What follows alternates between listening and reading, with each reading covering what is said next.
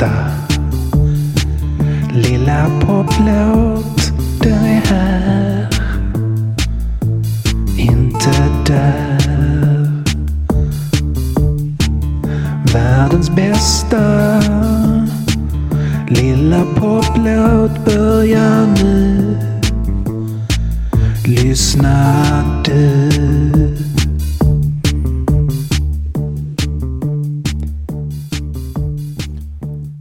Tisdagen den 8 november 2016 sitter Martha Wainwright på Demokraternas valvaka i Washington och väntar på sin tur att gå upp på scenen och gratulera och sjunga en sång för den första kvinna som valts till president för de amerikanska Förenta staterna.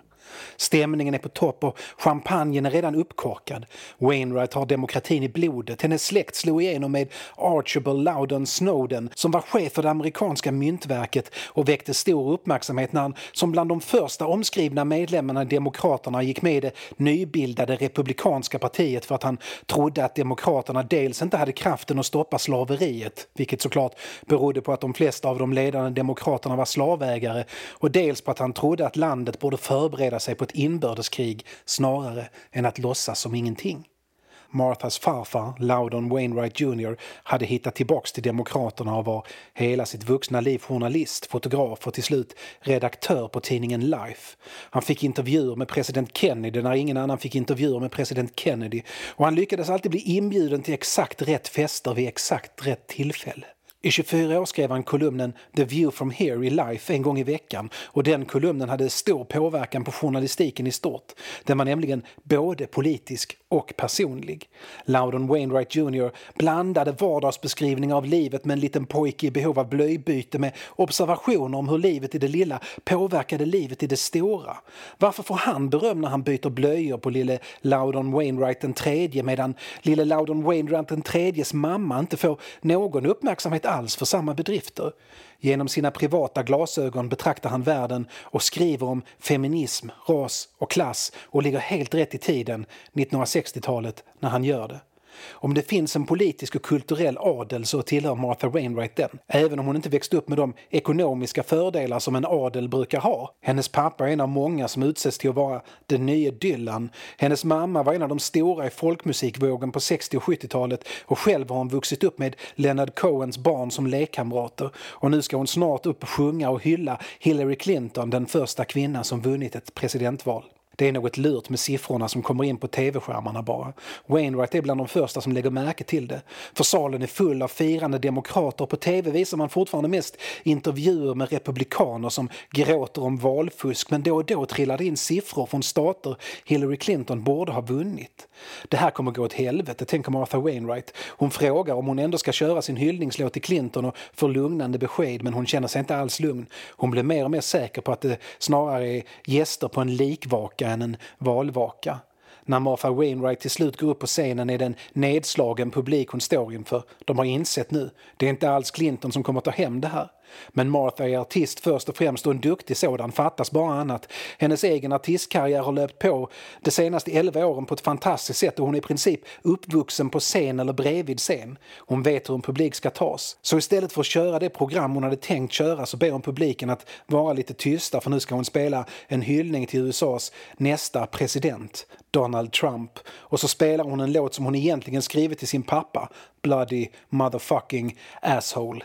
Världens bästa poplåt. Den löser upp knutar och istället för att känna sig nedtrampade känner sig folk sporrade till kamp. Det här avsnittet handlar om självbiografiska låtar, om världens bästa låtar och om den märkliga relation som är den man har till sina föräldrar och den märkliga relation man har till sina barn om man har några. Barn som ju alltid är barn av sin tid men också mycket barn av sina föräldrars tid, bedårande barn. Barn kan aldrig sitta stilla vid en strand eftersom det brusar så underligt från floden. Barn som måste färdas till ett kallare land där snöstormen dånar genom skogen. Barn växer upp, förhoppningsvis, och inser att det magiska bara är samma gamla skitvärld vi alla lever i. Eller så inser de att den här gamla skitvärlden faktiskt är magisk samtidigt. Men resa måste de få göra och i resan ingår att inse att mamma och pappa också är människor och inte bara de där mytiska varelserna mamma och pappa. Världens bästa poplåt handlar om barn.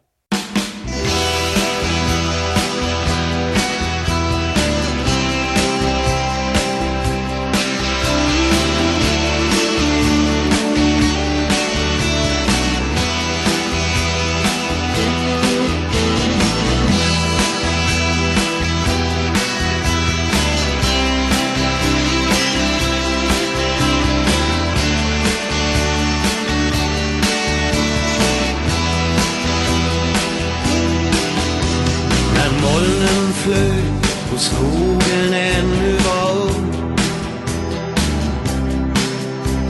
Och sommarvindar svepte över jorden. När den mogna säden vajade i en evighetssekund. Det var då som barnen lekte när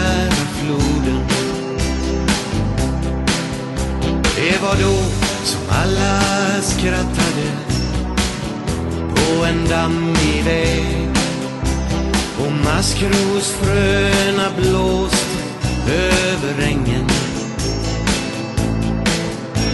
Unga flickor dansade med blommor i sitt hår. Det var då som allting varade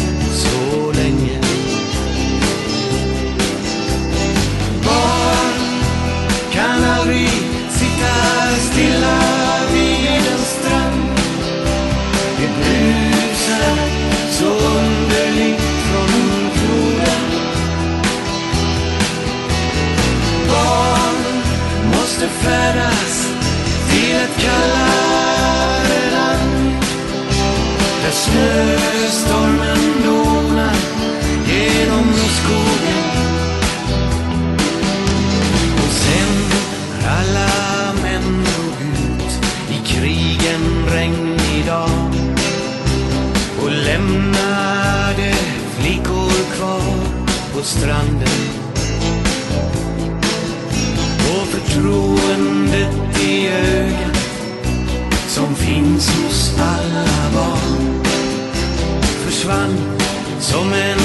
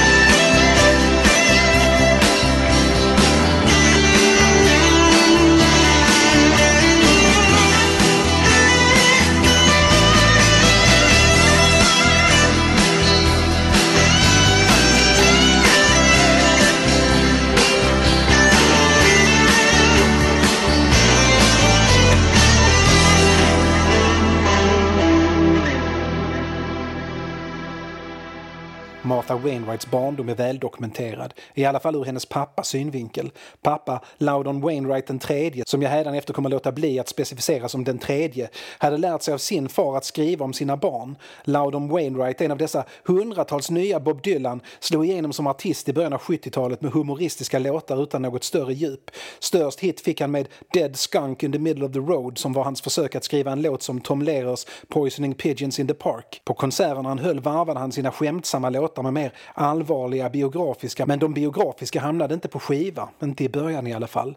När Loudon växte upp fick han och hans mamma räkna med att allt de sa eller gjorde kunde hamna i pappas kolumn i Life, hur personligt eller privat det än var, och Loudon lovade sig själv att inte exponera sina barn på samma sätt. Det gick sådär. Han höll sig i två skivor i alla fall innan han gav ut Rufus is a Titman om hur Rufus Wainwright, hans nyfödde son, verkade uppskatta sin mammas bröst mer än någon annan kroppsdel. Det blev såklart också en succé och sen var det liksom kört. Marthas mamma, Kate McGarrigle, skrev också om det privata och personliga och inte minst smärtsamt för hennes barn i Go Leave, en låt om hur Loudon bedrar henne och utpressar henne att vara den som lämnar honom, om hur hon tar sina barn, Martha och Rufus, med sig från 1976. Även McGarrigles största hit, en hit som försörjde henne och barnen väldigt länge, är personlig om än inte så privat. Fantastisk är den i alla fall, Complaint pour Saint Catherine, som hon framförde tillsammans med sin syster Anna. Den bäst säljande helt franskspråkiga låten i USA, vilket i och för sig inte betyder jättemycket någonsin. De gillar sin engelska i USA och sin spanska. Moi, je me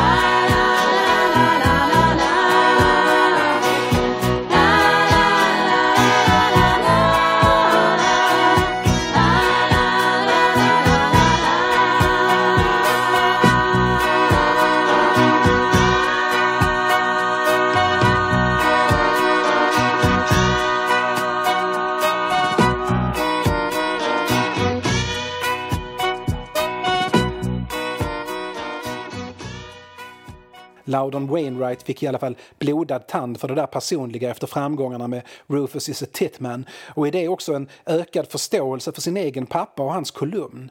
Den ilska han känt för att ha blivit så exponerad försvann och ersattes med en försiktig beundran och just insikten om att pappa också var en människa med drömmar och ambitioner och fortfarande levande och liksom inte bara konceptet pappa. Nu när de båda var vuxna blev det tydligare. Loudon skriver fler låtar om relationen med sin far, från glada till renodlat smärtsamma. Loudon Wainwright använder sitt konstnärskap till att utforska familjerelationerna naket och självutlämnande och ibland så pass träffsäkert att det nästan är obekvämt att lyssna på dem. Men vem har sagt att popmusik måste vara enkelt? När Loudon Wainwright skriver om känslan att vara äldre än vad hans far någonsin kommer att bli, den äldre Wainwright dog när han bara var 63 år gammal, och beskriver en relation som aldrig får ett riktigt slut, gör han något väldigt sällsynt i popmusiken som annars mest är uppfylld av parkärlek, sex och sprit och droger. Den nya Dylan gömmer sig inte som den gamle Dylan gör i sina texter utan ställer sig helt utan skydd och visar att han inte alltid är en trevlig människa. Martha träffar inte sin pappa dagligen när hon växer upp, även om han är närvarande i hennes liv. Som vuxen berättar hon att hon lärde känna honom genom hans sånger och inte minst genom de sånger han skrivit om henne, hennes bror och systrar och deras mammor. 2001 uppträdde hon som körsångerska och gästsolist tillsammans med sin pappa på hans Europaturné och blev överraskad av att få höra att en av hennes favoritlåtar, I rather be alone, inte alls handlade om en kvinna pappa ville lämna utan om det där året hon hade bott med honom i New York när hon var 14. Hon log mot publiken när de sjöng om att pappa helst ville att hon skulle flytta. Det var inget nytt att pappa sjöng om sin kluvna inställning till föräldraskapet. Loudon ser att hon blir ledsen men eftersom han inte riktigt kan hantera det där med relationer så ger han henne inte en kram utan en möjlighet att spela in en låt tillsammans med honom på nästa skiva. De får en vers var och givetvis är han till att få sista ordet.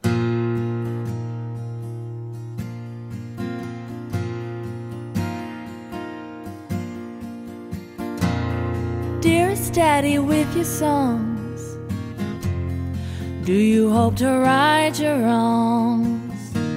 You can't undo what has been done to all your daughters and your son.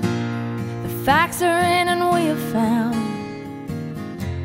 that basically you're not around. Dearest Daddy, try as you might. All you are is just uptight. You sing of my mother and me, somewhat sentimentally. Sing of a father and son, when all you do from him is run. You'd like to think that things are okay by singing things that you should say. Dearest Daddy, with your songs, do you hope to right your wrongs?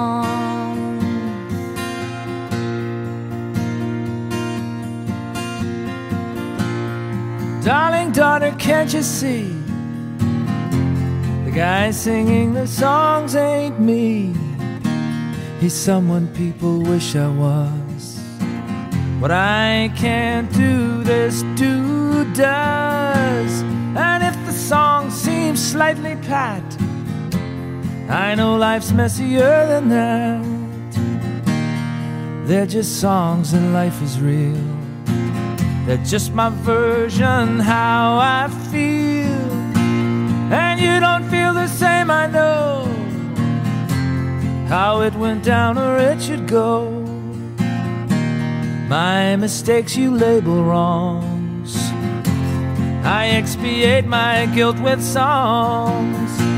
Why I'm uptight or not around. Those whys continue to confound. Darling daughter, can't you see? The guy singing the songs ain't me. Den första låten Loudon skriver om Martha heter Pretty Little Martha och beskriver en söt bebis som heter Martha. Loudon lägger en massa förväntningar och förhoppningar på bebisen, förhoppningar som såklart alla inser kommer vara omöjliga för henne att leva upp till när hon blir vuxen. Men att Loudon älskar den där lilla varelsen råder det ingen som helst tvekan om. Han älskar henne även om samma period som hon är nyfödd bryter med bebisens mamma och lämnar dem i Quebec och han själv inte behöver gå upp mitt i natten för att mata och trösta eller byta eller vagga. Han har en bild av henne. Hon är söt. Martha Wainwright har givetvis inga minnen från 1976 eftersom hon föddes 1976. Men hon har fyra låtar från 1976 från mamma och pappa. Pretty Little Martha är den optimistiska medan mammas Go Leave om hur Laudons och hennes äktenskap slits itu i ren sorg. Den tredje låten handlar bland annat om den där gången mamma Kate var gravid med Martha och Loudon övertalar henne att göra en abort. De åker till sjukhuset, ett sjukhus som varit centralt i Loudons liv. Där föddes han, där höll hans bästa vän på att dö, där vårdades hans pappa sista tiden i livet och det var dit Kate och han åkte för att göra den där aborten. Väl på sjukhuset träffar de läkaren som ska utföra ingreppet men läkaren förstår inte varför de vill ha en abort. I Sverige hade det såklart inte fungerat om en läkare börjat argumentera med den som vill ha en abort mot abort. Men i USA 1976 gick det för sig. Han kunde inte förstå varför två intellektuella människor med stabila inkomster, om än inte i förmögenhetsklass, och ett hus de ägde själva skulle vilja göra en abort. Skulle inte Rufus vilja ha ett syskon? Läkaren visste inte att Loudon redan då funderade på hur han skulle krångla sig ur äktenskapet. Kate, som inte heller visste att Loudon redan då funderade på hur han skulle krångla sig ur äktenskapet, lät sig övertygas. Aborten ställdes in, men det blev en vers i Loudon Wainwrights pågående självbiografi 15 år senare och en del i Marthas förståelse av sin pappa och hennes roll i hans liv.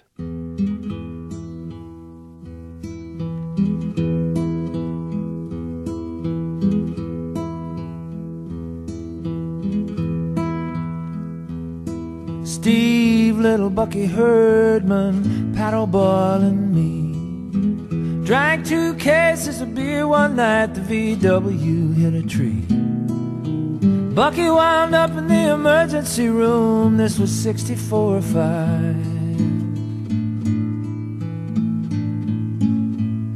Well, I hear he's living in Florida now, lucky to be alive. Oh, that hospital. Oh, that hospital.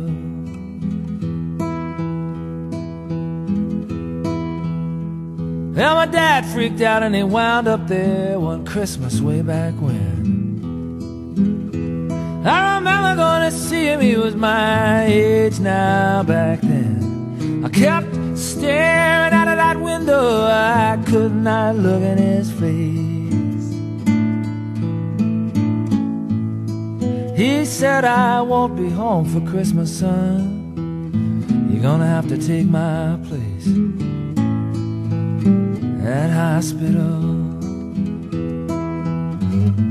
Gonna stay there in that hospital.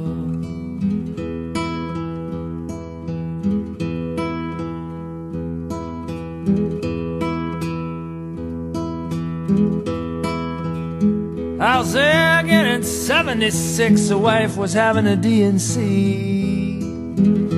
But in the end, she couldn't go through with it, so three left she and me. And that little girl who was born there and who escaped that scrape with fate.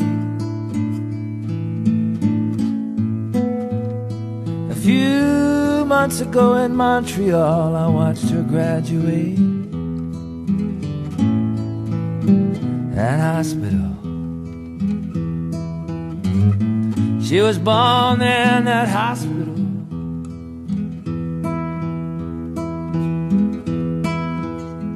Yeah, my sister was born in that hospital too, and now my mother's in there.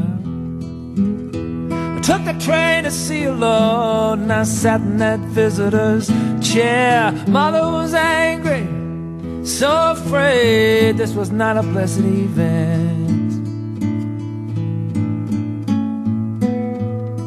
Now I'm riding back on that train, wondering where our lives went. That hospital. I keep going back.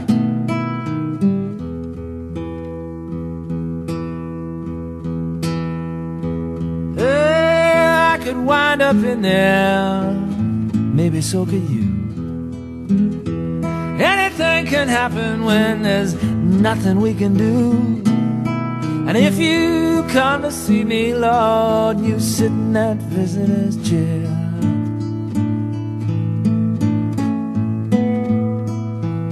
Take something home from that gift shop so you'll have a souvenir from that hospital.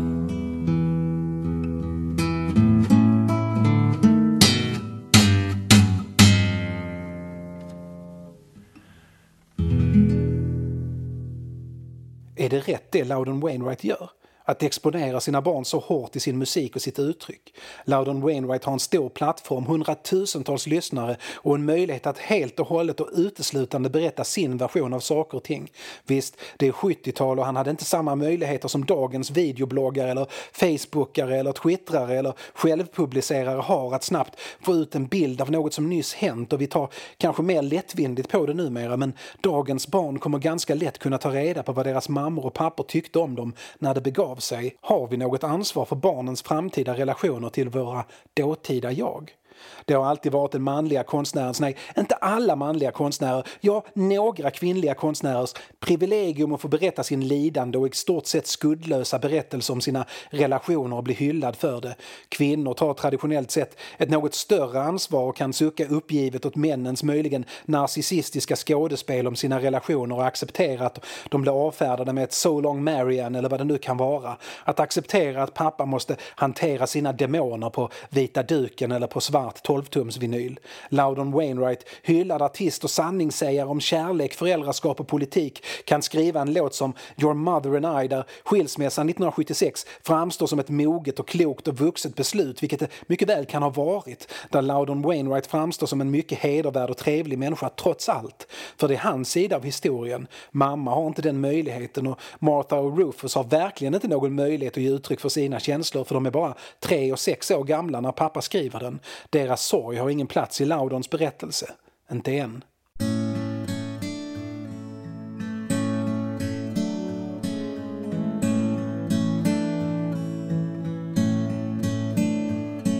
Your mother and I are living apart. I know that seems stupid, but we weren't very smart. You'll stay with her, I'll visit you. At Christmas on weekends in the summertime, too. Your mother and I are not getting along. Somehow, somewhere, something went wrong. Everything changes, time takes its toll. Your folks fell in love, love's a very deep hole.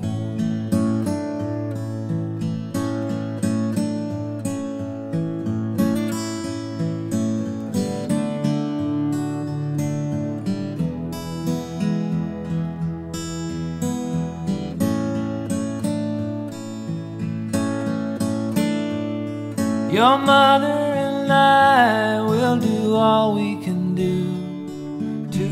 this thing out and to take care of you. Families get broken, I know it's a shame. It's nobody's fault though, and you're not to blame. Your mother and I are both feeling bad, but things will get better, they won't stay the same. And I hope when you grow up, one day you'll see your parents are people, and that's all we can be.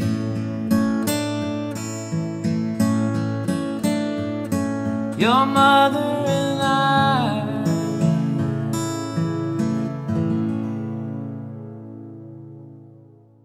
När Loudon Wainwright missar, glömmer bort om man ska tro hans senare låtar Marthas femårsdag blir det inte så mycket skuld och skam utan en låt om födelsedagsfesten. För om man inte är där så kan man i alla fall skriva en låt som Martha kan lyssna på i hela sitt liv och pappor som lämnat sina barn kan nicka instämmande i och pappor som av olika anledningar faktiskt inte kunde komma på festen även om de ville kan känna igen sig i. Men kvar står Martha. Hon minns det. Hon minns hur hon saknade pappa och allt hon fick var rosor och en låt om att kanske få en häst nästa år. Vilket hon inte fick. Jag känner inte min pappa mer än genom låtarna han skrev, säger hon. Trots att hon arbetar med honom. De gästar varandras skivor, uppträder tillsammans och spelar varandras låtar. Jag umgås så med min familj. Jag och Rufus känner egentligen inte varandra även om vi arbetar tillsammans flera veckor om året. På ett sätt är det sorgligt för vi möts bara genom och i musiken men samtidigt så har vi alltid varandra även när vi inte är där fysiskt. Relationen genom musiken gör att Martha kan fortsätta ha en relation med sin mamma Kate även om hon dog 2010 och den gör att hon kan ha en relation till sina föräldrar när föräldrarna var i samma ålder som hon är oavsett när det nu är. För de spelade in musik när de var i den åldern. Men hon har ändå problem med Loudons bild av det som också är hennes upplevelser. För visst, han säger att det bara är låtar och han är tydlig med att det är hans version av det som hände men ändå. Är det hon som är galen som inte minns det som han gör? Är det någon sorts gaslightning på skiva han sysslar med? Den där badturen de gjorde när hon var barn till exempel. Vad hände egentligen?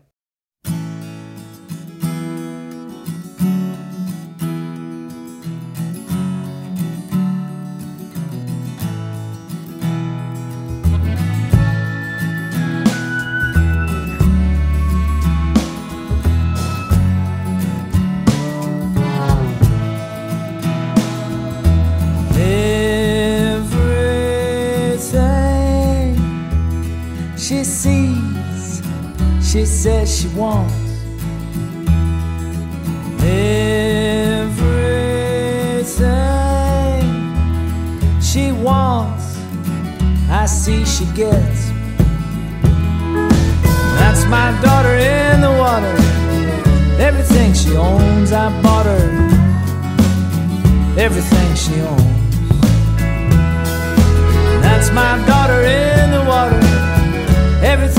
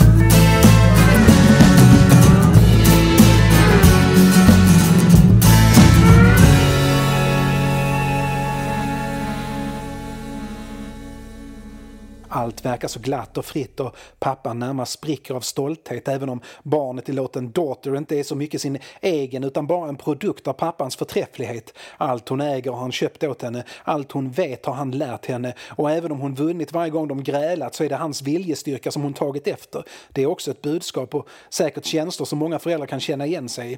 Hur det är så lätt att se barnen som en förlängning av oss när de egentligen slutat att vara det från den första stunden de blir medvetna om att de existerar. Senare i bilen på väg från badstranden, fortfarande med baddräkten på, slår Loudon Wainwright Martha en gång, alldeles för hårt. Han minns det senare när hon är 14 år och han har kommit på sig själv med att nästan slå henne en gång till. Det blir inget slag den gången men det blir en låt. En låt som trots att den handlar om hur han slår sitt barn lyckas lämna barnet nästan helt utanför berättelsen. Loudon Wainwright lägger nästan mer tid på att intellektuellt förklara att man inte ska slå barn och att det är olagligt i Sverige men inte i USA än han lägger på att förstå Marthas känslor. Att ens försöka förstå Marthas känslor. Ilskan, rädslan, Laudon sjunger om dem men det är ändå hans känslor som är i fokus. Och visst, det är såklart förståeligt. Det är ju de enda känslor han faktiskt har erfarenhet av nog att sanningsenligt skriva om. Marthas känslor är såklart omöjliga för honom att till 100% erfara och omöjliga att helt sanningsenligt beskriva. Är det då rätt av Loudon Wainwright att offentligt resonera kring sina känslor kring att han slog sitt barn? Känslor som barnet måste förhålla sig till när hon som 14-åring hör låten. Att ta in att den här händelsen i bilen på väg från stranden nu blivit ytterligare ett kapitel i konstnären konstnärens ständigt pågående offentliga dagbok där han och ingen annan spelar huvudrollen. Händelsen i bilen som hon aldrig kommer att glömma har nu förevigats ur förövarens perspektiv.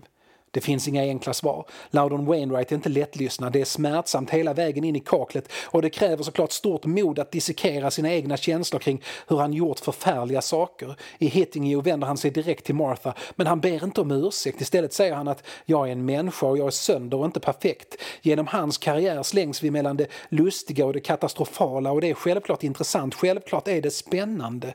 Och det är välgjort, han utnyttjar sin palett till max och han utnyttjar sin duk till max och han verkar dessutom dessutom medveten om problemen med att göra det.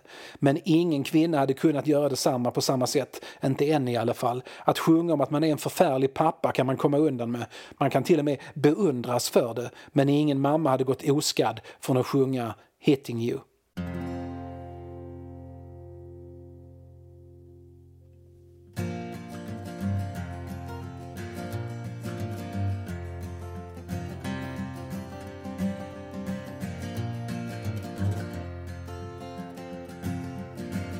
Long ago I hit you.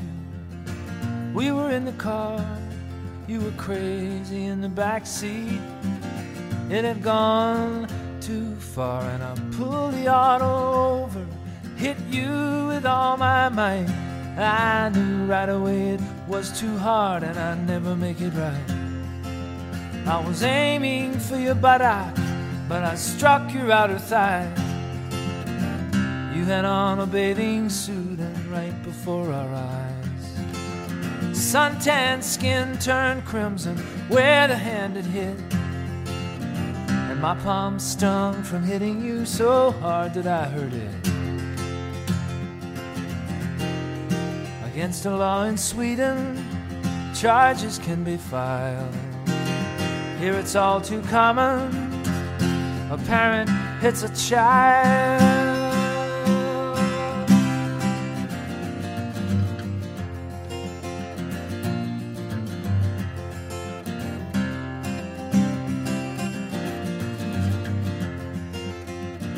On your face, I saw the shock, and then I saw the pain. Then I saw the look of fear, the fear I'd strike again. Then I saw your anger, your defiant pride.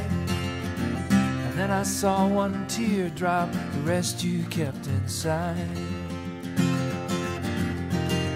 I said I was sorry, I tried to clean the slate. With that blow I'd sown seed, I saw it was too late.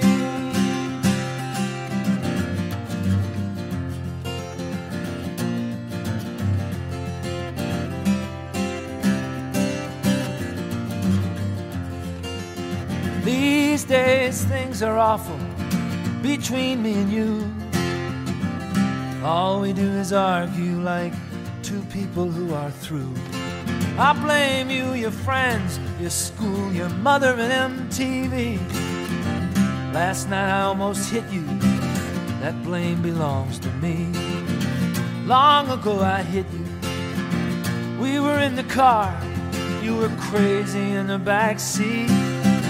it had gone too far, and I pulled the auto over and hit you with all my might. I knew right away it was too hard, I'd never make it right. Rufus Wainwright slår sig tidigt fri från föräldrarnas skuggor, om än inte från deras musik och gör sig ett namn i popmusiken. Men Martha stannar kvar länge, uppträder med mamma på hennes turnéer och med pappa på hans, och med storebror såklart. Men hon har inte riktigt kommit igång med sin egen musik när hon får det där uppvaknandet på scenen 2001 när Loudon Wainwright berättar för publiken, inte henne, att I rather be alone handlar om henne. Men där bestämmer hon sig för att inte vara en biroll i någon annans berättelse längre utan ta steget och göra sin grej alldeles själv. Hon skriver och spelar och uppträder och publiken älskar henne, hennes otvungna sätt och sin omotståndliga scennärvaro går hem och hon tycks ha ärvt det bästa av föräldrarnas musikalitet. Melodierna är omedelbara och självklara och alla pusselbitar faller på plats.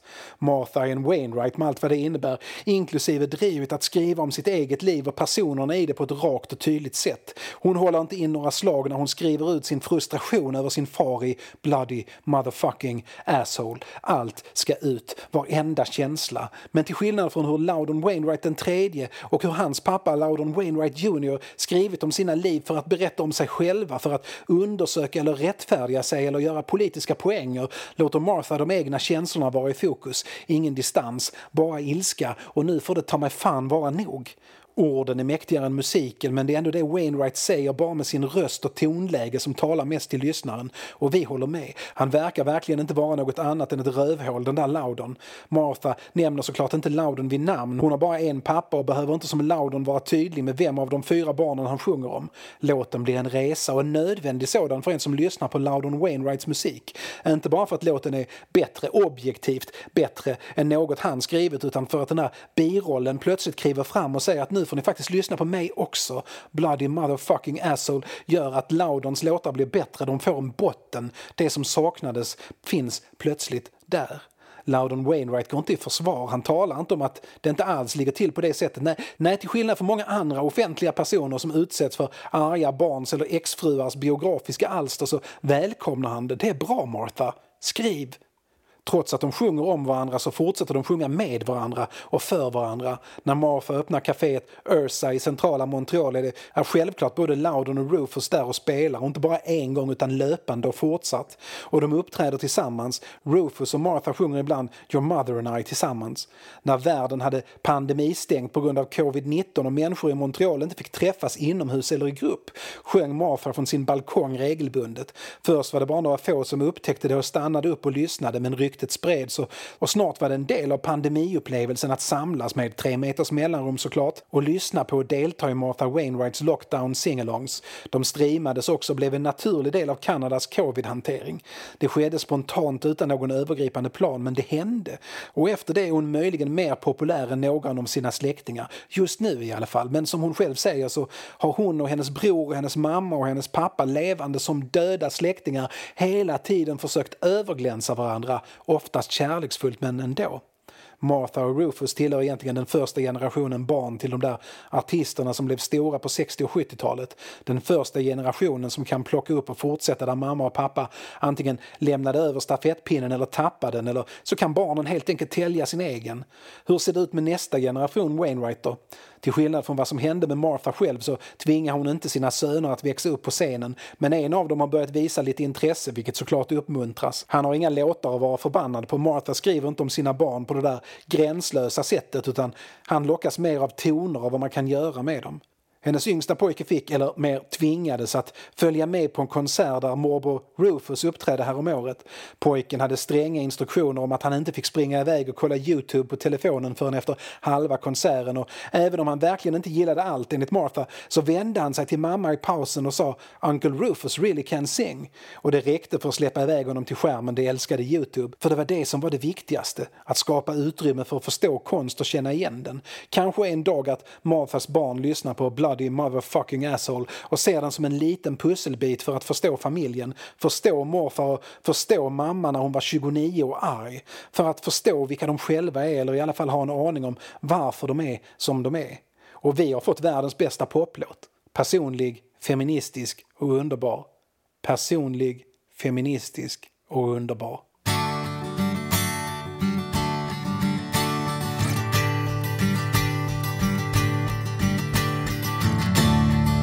Poetry is no place for a heart that's a whore. And I'm young and I'm strong, but I feel old and tired. Overfired. And I've been poked and stoked, it's all smoke, there's no more fire. Only desire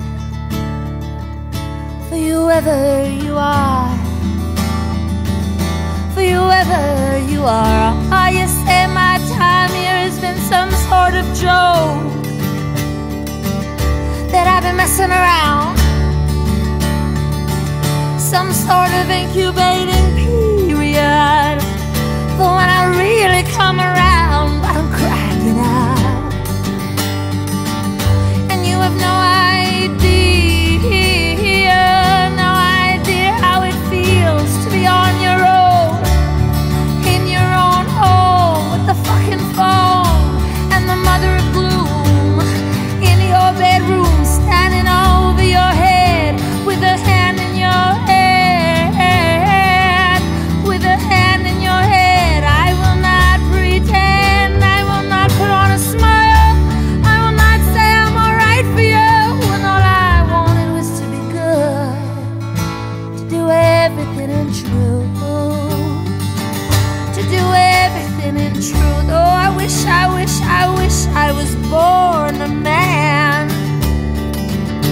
so I could learn how to stand up for myself, like those guys with guitars I've been watching in bars who've been stamping their feet to a different beat, to a different beat, to a different beat.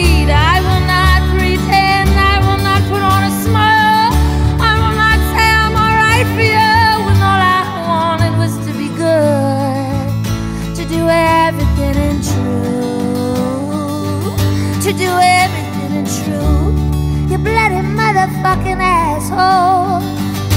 Are you bloody motherfucking asshole? Are you bloody motherfucking